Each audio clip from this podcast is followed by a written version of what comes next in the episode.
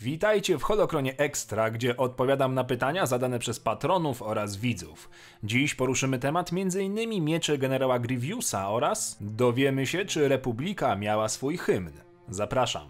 Co stało się z kolekcją mieczy generała Grievousa? W oficjalnym kanonie póki co nie ma żadnych informacji na temat rękojeści, które kolekcjonował generał. Myślę jednak, że luka ta zostanie szybko wypełniona disneyowskimi komiksami. W legendach natomiast mamy już nieco informacji. Po wydaniu rozkazu 66 Palpatine wysyła oddział klonów, by odzyskały one ciało Grievousa wraz z jego mieczami.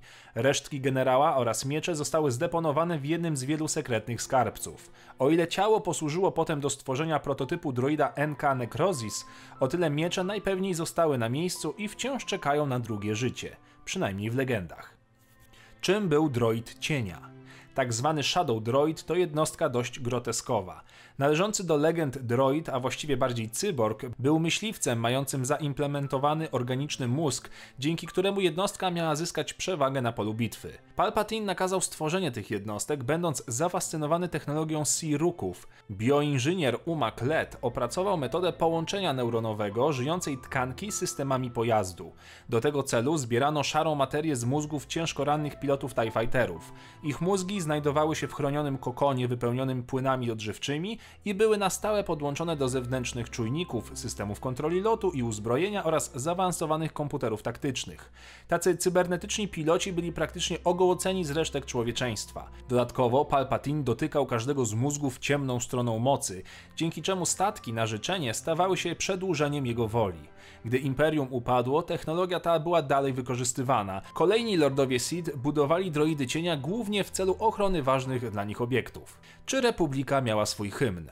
Tak, utwór nosi nazwę All Stars Burn as One i był skomponowany już w 3642 roku przed bitwą o Jawin. Hymn był głównie odtwarzany podczas spotkań dyplomatycznych i wojskowych i był używany przez Republikę do czasu przekształcenia jej w Imperium Galaktyczne. W pewnym momencie po powstaniu Imperium edyktem nowej władzy, a dokładniej rozporządzeniem nr 2.33b zakazano grania tego utworu.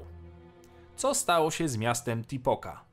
Jeżeli chodzi o legendy, to podczas wojny miasto było głównym celem sił separatystów mających na celu zniszczenie armii Republiki. Choć miasto przetrwało, to zostało poważnie zniszczone.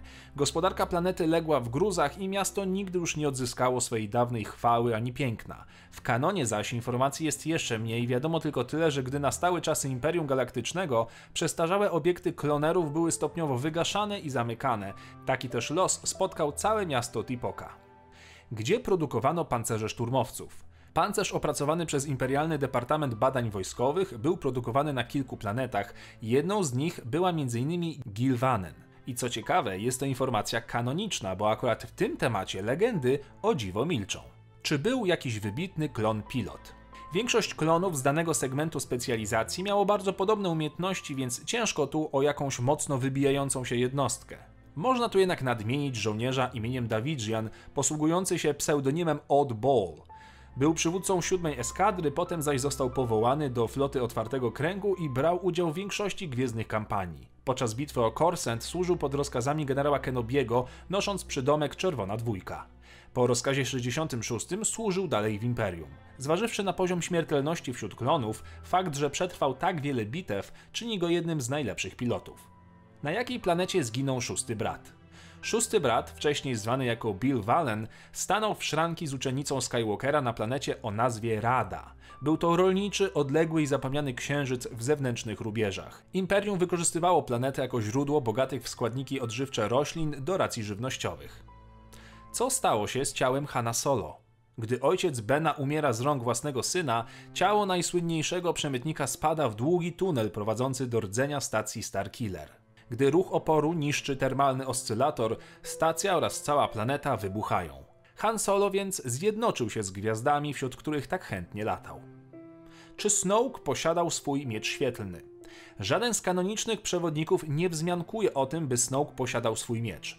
Podkreślany jest za to fakt, że był ponad fizyczną walkę i nie musiał zniżać się do jej poziomu. Rezygnacja z broni osobistej to pewien symbol władzy i pewności swoich umiejętności. Być może ograniczenia fizyczne jego ciała nie pozwalały mu na walkę, dlatego otaczał się karmazynowymi strażnikami. Jeżeli miałbym jednak obstawiać, to myślę, że Snoke mógł kiedyś posiadać miecz, ale na wzór imperatora nie musiał z niego praktycznie korzystać, będąc u szczytu władzy. Czym napędzane były jednostki AT-AT? Informacji tych należy szukać w dokładnych i szczegółowych przewodnikach. Silniki używane do tego rodzaju maszyn to kompaktowy układ napędowy model FW62. To wszystko na dzisiaj. Dziękuję za oglądanie. Zadawajcie pytania w komentarzach lub na zamkniętej grupie dla patronów. Zapraszam na Discorda i na fanpage. Niech moc pytań zawsze będzie z Wami.